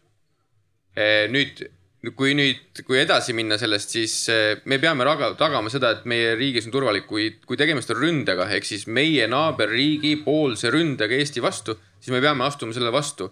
selle naaberriigi ründe eesmärk ka Leedu näitel oligi ujutada seesama Leedu üle eh, nende samade inimestega, tekitada see eh, siis administratiivne koormatus tekitada sellest tulenevad äh, korrarahutused, rikkumised, korrarikkumised, äh, ebastabiilsus riigis. see oligi kõik selle, kogu selle rände eesmärk. üks oluline nüanss on veel, äh, miks on vaja sellisel hetkel nagu astuda samme vastu, kui seda teeb sinu nii-öelda hübriidrünnakuna keegi sinu naaberriikidest, on see, et me peame kaitsma neid inimesi ka, sest need inimesed, kes seal piiril on, võivad ju olla ohvrid Nad ei pruugi olla pagulased või põgenikud, tänane statistika Leedu näitel ütleb, et valdav osa sellest nelja tuhandest eh, inimesest eh, Leedu riigi eh, hinnangul ei väärinud rahvusvahelist kaitset. aga need inimesed maksid kümme tuhat eurot selle eest, et kuskilt Iraagist tulla kuritegelikule ühendusele, kes antud juhul oli osa Valgevene riigist. aga nüüd, kui me võtame kõik need neli tuhat inimest vastu me teame, et valdav osa nendest on tegelikult majanduspõgenikud, nad rahvusvahelist kaitset ei vaja ja menetleme neid siis eh, kogu täieulatusliku menetluse raames. võib-olla tulevad esimesed kohtukaebused, läheb poolteist aastat, siis kogu selle pooleteist aasta jooksul, see on see edu, mida presenteeritakse seal selles eh, päritoluriigis ja mis tekitab iga päev, iga nädal, iga kuu, iga aasta uusi ohvreid kes lõpuks saadetakse sellesama ringiga täpselt sellesamasse kohta tagasi ja kes on jäänud sellesse sama äh, hammasrataste vahele, sest nii nagu ma ütlesin, nii nagu käivad meil teleris telereklaamid, nii reklaamis äh, Valgevene äh, riik läbi oma kuritegeliku ühenduste sealsamas Iraagis äh, seda oma teenust, mida nad pakkusid Glen äh, tahtis äh, ütelda midagi.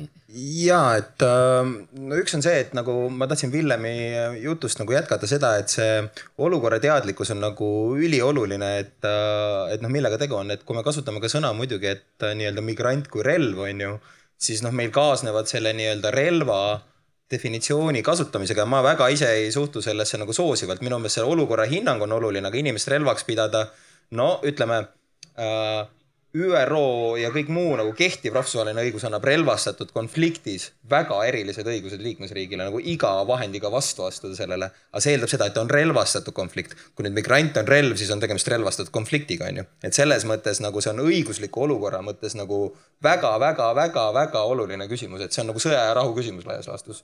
mida sa teha võid ja mida sa teha ei või. et selles mõttes see on nagu üks küsimus, aga see, et olukorrast aru saada, et mida sinu vastu tehakse, ma arvan, tuleb ikkagi nagu tutvuda nagu väga hästi sellega, mis on venelaste doktriin, et venelased käituvad oma doktriini järgi, et lugege seda Gerassimovi doktriini ja te näete, mis on hübriidsõja olemus, kõiki vahendeid valimas, noh laias laastus.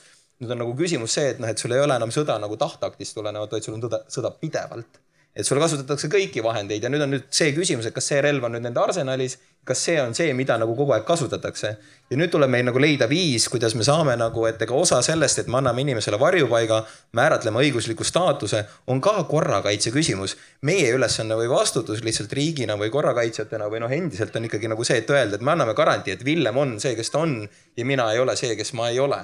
et selles mõttes nagu nii kui see asi valesti läheb, keegi tuleb, laseb nagu Tallinnas midagi õhku vastutame meie nagu selle eest, et nagu see juhtus, et me tegime oma asju valesti, et need, et see on ka nagu oluline nagu pagulaste enda kaitse seisukohalt, et need, kes ei vääri, need ei saa, need, need ei tohi mingil juhul nagu saada, sellepärast et, et see muudab kõik need, kes saavad ka nagu sihtmärkideks, nii et selles mõttes see on nagu ma arvan, meie ühine huvi Kariga, et need inimesed, ma ei tea, kas sul Nelson Mandela tuleb või ma ei tea, Navalnõi või või kes iganes kolmas ja meil on selliseid inimesi ka Eestis, kes on väga kõrge profiiliga pagulased, noh, mida on nagu väga lihtne nagu tuvastada, on ju.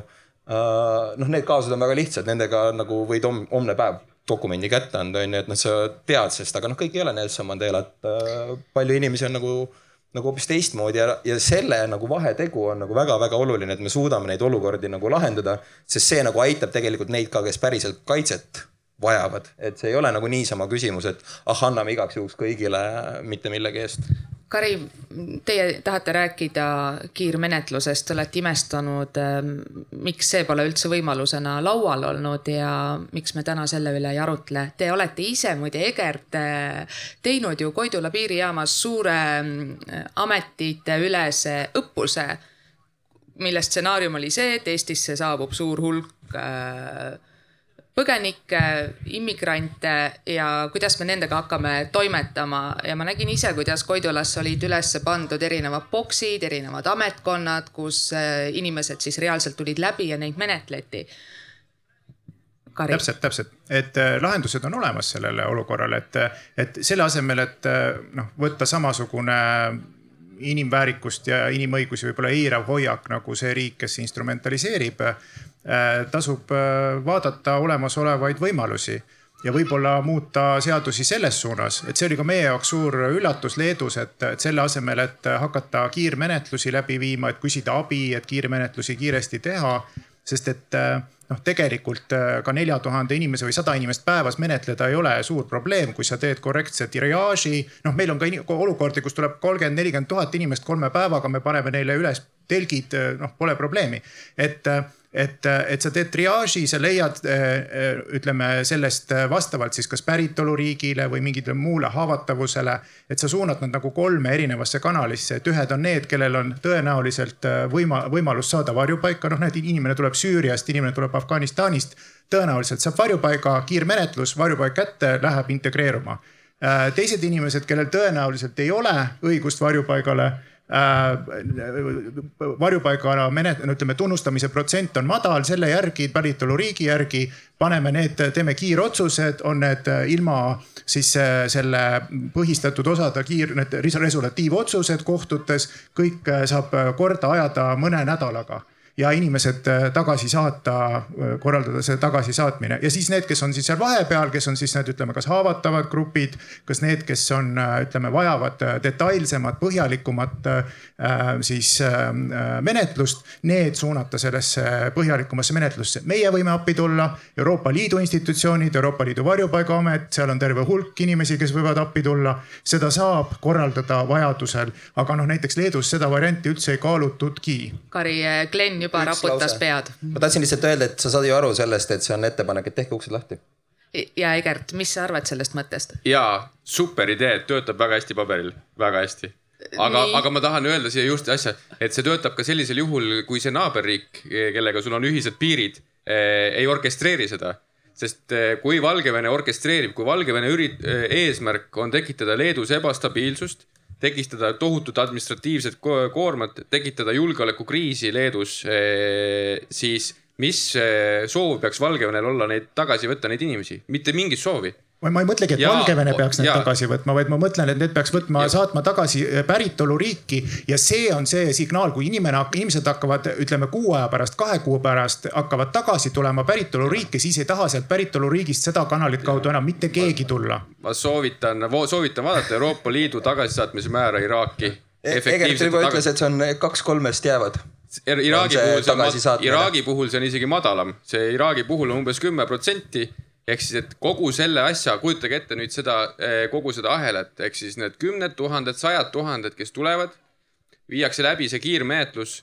Eh, jah, leitakse need eh, näiteks sellest nelja, neljast tuhandest need kümme, kes vajavad kaitset. Ja ma olen tegelikult suhteliselt veendunud, et Leedu üksused ka piiril tegelikult vaatasid, et kui seal tegelikult on ikkagi haavatavasse gruppi kuuluv inimene, siis lasti see inimene sisse ja menetleti tema, temaga rahvusvahelise kaitse taotlus ära jah, seal võib-olla jäi kedagi, aga see kellelgi oli võimalus minna äh, läbi piiripunkti ja tulla äh, või siis saatkonna kaudu tulla Leetu.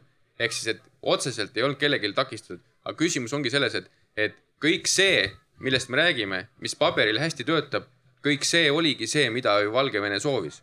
soovitas tekitada seda ebastabiilsust, soovita-, soovis nende mahtudega äh, tekitada seda soovi ja tahtmist ehk siis neid mahte juurde tekitada ja omal ajal kogu aeg seda eskaleerudes, see oligi see, mida, mida Valgevene tahtis. Villem äh, tahab lisada. et äh, kui ma lugesin seda Euroopa Kohtu otsust Leedu kohta, mul tekkisid täpselt samasugused mõtted. et ähm, seal peamise etteheitena toodi siis Leedule et,, äh, heideti ette Leedule, et et aga miks te ei teinud siis seda kiirmenetlust, eks ole, et äh, teil on neli nädalat võimalik seal piiritsoonis äh, kinni hoida. vaadake need taotlused läbi, eks ole, mis on ilmselgelt põhjendamatud äh, ja enamik neist on et siis noh, annate üle piiri siis teise riigi piirivalvurile üle need, eks ole, nii nagu regulatsioonid ette näevad, et siis ma ka nagu mõtlesin, et äh, head kolleegid Euroopa Kohtust, et äh, ma olen seal korduvalt käinud ja, ja nendega seminaridel olnud ja, ja, ja ma tunnen neid päris hästi, eks ole, et noh mm, no ma tean, et nad ei kujuta ette, äh, kes on Vene piirivalvur ja Valgevene piirivalvur. FSB töötaja. Nad, nad, kui sa ei ole kunagi elus nagu Vene, Vene, Vene piirivalve on FSB osa. saanud, et et, et siis, siis võib olla natukene selline eluvõõras ja, ja naiivne arusaam, et kuidas seal Leedu-Valgevene piiril need asjad äh, võiksid käia, et noh, tegelikult siin äh, moraal on võib-olla, Glen võiks panna omale äh, kõrva taha, et, et, et Leedu jättis oma töö seal Euroopa kohtus tegemata. Nad ei osanud oma argumente äh, seal õigesti välja tuua Nad äh, ei vastanud kohtu küsimustele, natukene üleolevalt võib-olla suhtusid. oligi selline nagu hoiak, et ei, et meie võime otsustada, kes meilt riiki tuleb ja kes ei tule ja jutu lõpp, eks ole.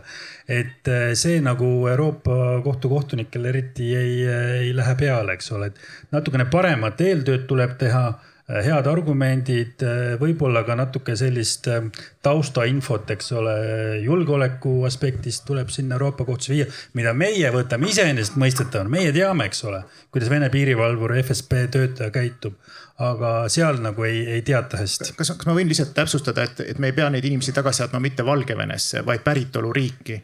ja selle, ütleme, kiirmenetluse boonus on see, et äh, siis on nende õiguslik staatus selge, siis on selge, et tegemist ei ole pagulasega.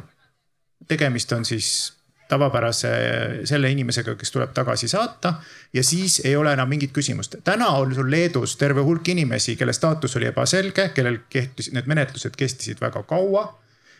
Sul oli, ei teadnud, kes nende hulgast on tegelikult siis pagulane, kes ei ole äh,. see tekitas seda ebaselgust, see tekitas ebaselgust ja see, see tekitas, ütleme seda ühiskonnas ka arusaamatust ja ka seda ütleme konflikte, kas noh, põhimõtteliselt ei järgitud kehtivat õiguskorda. alati minu, mina pooldan reguleeritud kehtivat õiguskorda järgivaid lahendusi see on noh, see tähendab ka stabiilsust inimeste jaoks, et meil on olemas selliste olukordade jaoks menetlus, meil on olemas seadused ja me peaks neid järgima. mitte niimoodi, et me hakkame välja mõtlema, et nüüd on meil uus olukord. aga Kari. me hakkame midagi uut välja kelle... mõtlema. tehniliselt, ma ütlen tehniliselt nad järgisid kehtivat õiguskorda, sest enne kui nad seda protsessi alustasid, nad muutsid oma seadust. nii et tehniliselt. Nad ei Leedu, järginud rahvusvahelist ja Euroopa Liidu õigust. aga tehniliselt Leedu piirivalve järgis seda Leedus kehtivat õigust. nüüd küsimus on see, et kas ja siin me võime, see võib minna veel aastaid veel ja veel ja veel, on ju et kas see sada protsenti järgis rahvusvahelist õigust või mitte? Kas siin ei teki ikka jälle seda raha küsimust, et kelle kulul me siis saadame nad äh, kodumaale tagasi, me enam ei räägi üksikutest, vaid me räägime. küsimus, selleks on raha küll äh, ja see on ei nagu äh, noh. Vaata, kuidas ja riigieelarve on üks tervik, vaata, see ei kasva ilma makse, makse kasvatamata või majandust kasvatamata, et nagu kui sa seda nagu kuskil kunagi teenima ei pea, siis sul muidugi tundub, et riigieelarves on alati nagu üks korda, neli korda seitse tuhat nagu eurot tagasisaatmiseks ja kohtu ülalpidamiseks, eks ole, ja nii edasi. üks menetlus on viisteist tuhat lõpuks kokku, noh, Egerti menetlejad ja tõlkide töötunnid ja nii edasi, on ju, ja korruta see nagu selle arvuga, siis sa saad selle nagu ainuüksi rahalise kulu mina, kokku. No, mina mõtlen lihtsalt seda, et mina olen aru saanud, et see kolmkümmend, ütleme see väike tagasisaatmiste arv, et see on eelkõige seetõttu, et menetlused on jäänud pikalt venima, mõnedes riikides kehtivad kestavad need varjupaigamenetlused väga kaua.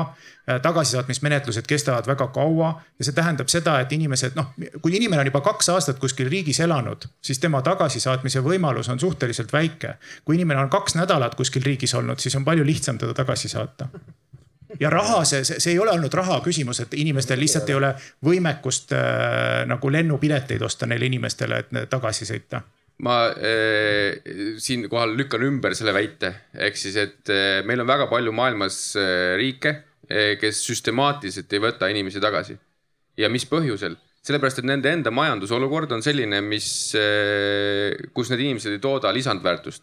Euroopa Liidus olles, nii nagu ma ütlesin, nad lähevad oma perekondade raha eest ja nad, nad, nende eesmärk on siin teenida raha, ehk siis, et Euroopa Liidus või Ameerika Ühendriikides või kus iganes läänemaailmas olles, need inimesed toodavad tegelikult sellele päritoluriigile täiendavat sisemajandus koguprodukti. ehk siis nad toodavad täiendavat rikkust sinna riiki siis, kui nad on kuskil mujal nüüd, kui nad on kuskil tagasi, siis nad mitte ei tooda täiendavat rikkust, vaid tõenäoliselt toodavad täiendavat vaesust. mis tähendab seda, et väga paljudel sellistel riikidel tegelikult puudub igasugune huvi neid riike, oma kodanikke tagasi võtta.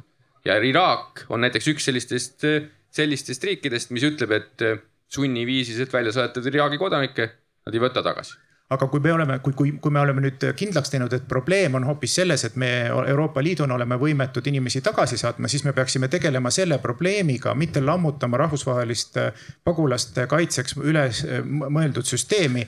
pannes tähele ka seda et üheksakümmend protsenti maailma pagulastest on naaberriikides, on madala keskmise sissetulekuga riikides. Euroopa Liitu, kui, kui vaadata seda globaalsel tasandil, sest meie vaatame seda globaalselt, me oleme ÜRO pagulasamet siis Euroopa Liit ja Euroopa rikkad riigid võtavad väga väikese vastutuse, väga väikese koormuse sellest kogu maailma sajast miljonist inimesest, kes on, äh, kes on pidanud oma kodust konfliktide, sõja ja tagakiusamise tõttu lahkuma. me räägime väga väikestest numbritest võrreldes mõnede riikidega, kus on palju-palju halvemad majanduslikud olukorrad, kus riigieelarve on palju suurema surve all kui Eesti, kus võib-olla noh, põhimõtteliselt. kus sotsiaalriiki põhimõtteliselt ei eksisteeri eksisteeri, nii et just, neil ei ole kulusid ka sellega seoses. nii et nüüd öelda, et nüüd Euroopa Liidu rikkad riigid peaksid veel kord lükkama seda, ütleme vastutust äh, veel tagasi nende vaesemate riikide peale seda, sellega ütleme, meie ÜRO pagulasametis ei saa kindlasti nõustuda. see, eh, ta sõnasabast kinni võttes, et eh, ärme räägi sellest, et probleem on näiteks varjupaigasüsteemis või et probleem on tagasisaatmise süsteemis või et probleem on inimestes või probleem on vaesuses. ärme tekita seda nagu äh, nagu kõrvale nagu siis juhtivat eh, teemat siit. sellel konkreetsel juhul ei olnud tegemist nagu loomuliku rändega ja probleem on selles, et Valgevene riik ründas oma naaberriike eh, ja üritas siis tekitada ebastabiilsust ja julgeolekuohtu nendes riikides. see oli probleem viimasel ajal lihtsalt infoks, mulle tundub, et viimase paari kuu aruanded lugesin siin hiljuti äh, olukorra hinnangut ka, on üha rohkem selle seltskonna hulgas äh, Vene viisadega inimesi, nii et, et võib-olla siit hakkavad need õiged kõrvad ka varsti nagu paistma, et kes sellega seotud on ja ja noh, ma arvan, et sõltuvalt sellest, kuidas see olukord seal nagu areneb, äh, soovitan endiselt lugeda venelaste doktriini sellest, kuidas sõda peetakse. et siis see relv äh, kindlasti võib veel, äh, veel paljugi paukuda, nii et, et selles mõttes see ei ole kuidagi nii. me alguses ja noh, eriti tagantjärele see praegusel hetkel paistab üha rohkem sedamoodi, et see oli kõik osa nagu generaalplaanist, et siis, kui me selle keskel olime Egertiga siin nagu ka aktiivselt diplomaatilist tööd pidime tegema, siis äh, oma kolleegide toetuseks Leedus, Lätis, äh, Poolas. Et siis ei paistnud veel niimoodi, venelaste kõrvad ei paistnud selle tagant välja, aga noh, nüüd kui Ukraina ja kõik see veel juurde lisada sinna, siis noh, see üldiselt paistab nagu väga, väga selgelt see, mille osas ma arvan, meil äh, kohe alguses nagu õigus oli, et tegemist on hoopis teistsuguse olukorraga kui see, mida me täna näiteks Ukraina ajutise kaitse puhul näeme või Süüria konflikti puhul nägime nii et noh, ma usun, et nagu see on, kindlasti tuleks kasu ka humanitaarorganisatsioonidel sellest, et aru saada, millega on tegemist, need on kõik sellesama konventsiooni osapooled, kes seda teevad. ja millegipärast vaadatakse alati nagu Euroopa poole, ma saan aru, miks sa mures oled, aga selle, need teised osapooled on ka seal teisel pool piiri, on ju. et kus see nagu vastutus äh, nende puhul on mulle tundub, et siin jagub teemat äh, veel kauemaks ja pikemaks, eriti et äh, ongi täiesti uus olukord ja mure on täiesti põhjendatud. Äh, kuidas siis valida, eks ole, oma riigi julgeolek või humaansed põhimõtted ja tegelikult tahaks valida ju mõlemad. meil on veel mõned minutid jäänud selle arutelu lõpuni. Ähm, ma ei tea, kus meil Maarja Punak on, aga kuidas me saaksime, see inimene soovib juba tükk aega võtta sõna, kas teie saate tulla kuidagi meile lähemale või, või loodame teie tugevale häälele. Jaan, ma räägiks nii. no nii, palun. üks minut. et mul on härra Seltsevile küsimus. et äh, oma töö käigus sai teada, et Venemaal on olemas sellised baasid, vahepunktid nagu Nizhny Novgorodis, kus Ukraina äh, põgenikele jutumärkides, tegelikult Ukraina, Ukraina passiga Venemaal elavatele inimestele, kes sinna kogutakse, suunatakse Eesti piiri peale. ma tean, et neid suunatakse ka tagasi, aga ütleme, seda massi on nüüd järjest suuremaks tulnud või on vähemaks jäänud. Need isikud, kes, kelle, kes paberite järgi on Ukraina kodanikud, kellel on Ukraina nii-öelda see sisepass, mis on aegunud, tuleb piiri peale, ütleb, et ma tahan tulla üle ja selgub tegelikult, et ta ei pea üle tulema, tal ei ole õigust saada. mina sain kunagi oma töö käigus niimoodi teada, et, et, et Venemaal on näiteks Nizhny Novgorodis ja Peterburis on olemas mingid baasid, kuhu siis suunatakse üle Venemaa neid kokku isikud, kes tahavad tulla Eesti riiki ja Egert, mis see vastus siis on? ja tänane olukord äh, äh, on mõlemas asjas äh, stabiilne, ehk siis, et täna meie piiridele saabub Ukraina kodanikke keskeltläbi kolmsada inimest päevas ja neid, see arv nendest inimestest, keda me tagasi saadame, on ka päevast päeva keskmiselt stabiilne, ehk siis see on niisugune kümme, kakskümmend inimest, kes tegelikult sisenemistingimustele ei vasta kas meil on äh, veel äh, tekkinud küsimusi ja seal on härra, tulge. Ähm, ja palun. piirivalvejuhile üks küsimus.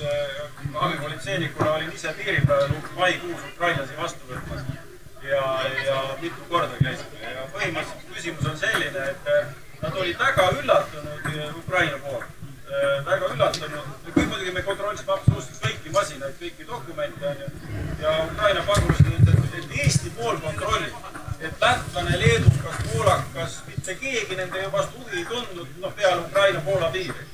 ja meie kontrollisime muidugi selles mõttes hea, et, et meie riigil, ma kujutan ette, oligi teada enam-vähem arv, palju neil neid siin on.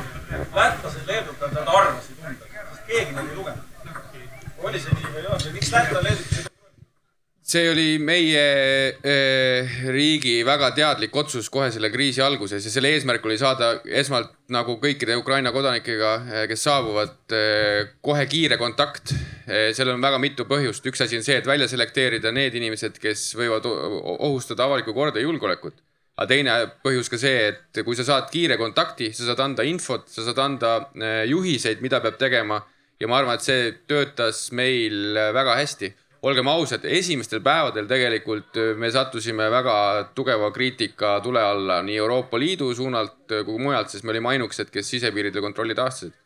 aga äh, mida päev edasi, siis me võime öelda, et tegelikult see oli õige otsus, sest siin piirkonnas me olime ainsad, kes omas ülevaadet, meil oli ainsad, me olime ainsad, kellel olid sisuliselt kõikide saabunud Ukraina kodanikega kontakt ja andmed olemas, et nendega ühendust võtta vajadusel see õige info antud nendele ja me olime need, me olime need, kes tänu sellele suutsid ka kiiresti kõik oma menetlustoimingud ära teha.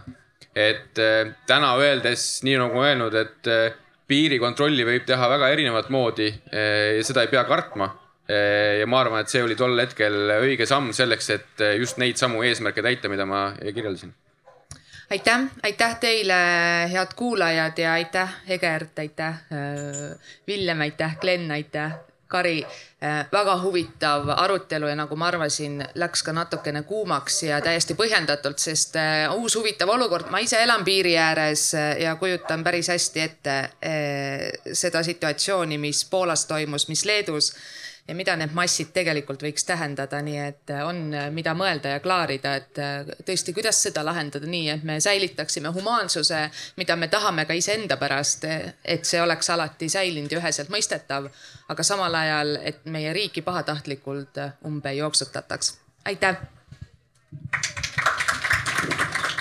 selge see, et ega kõike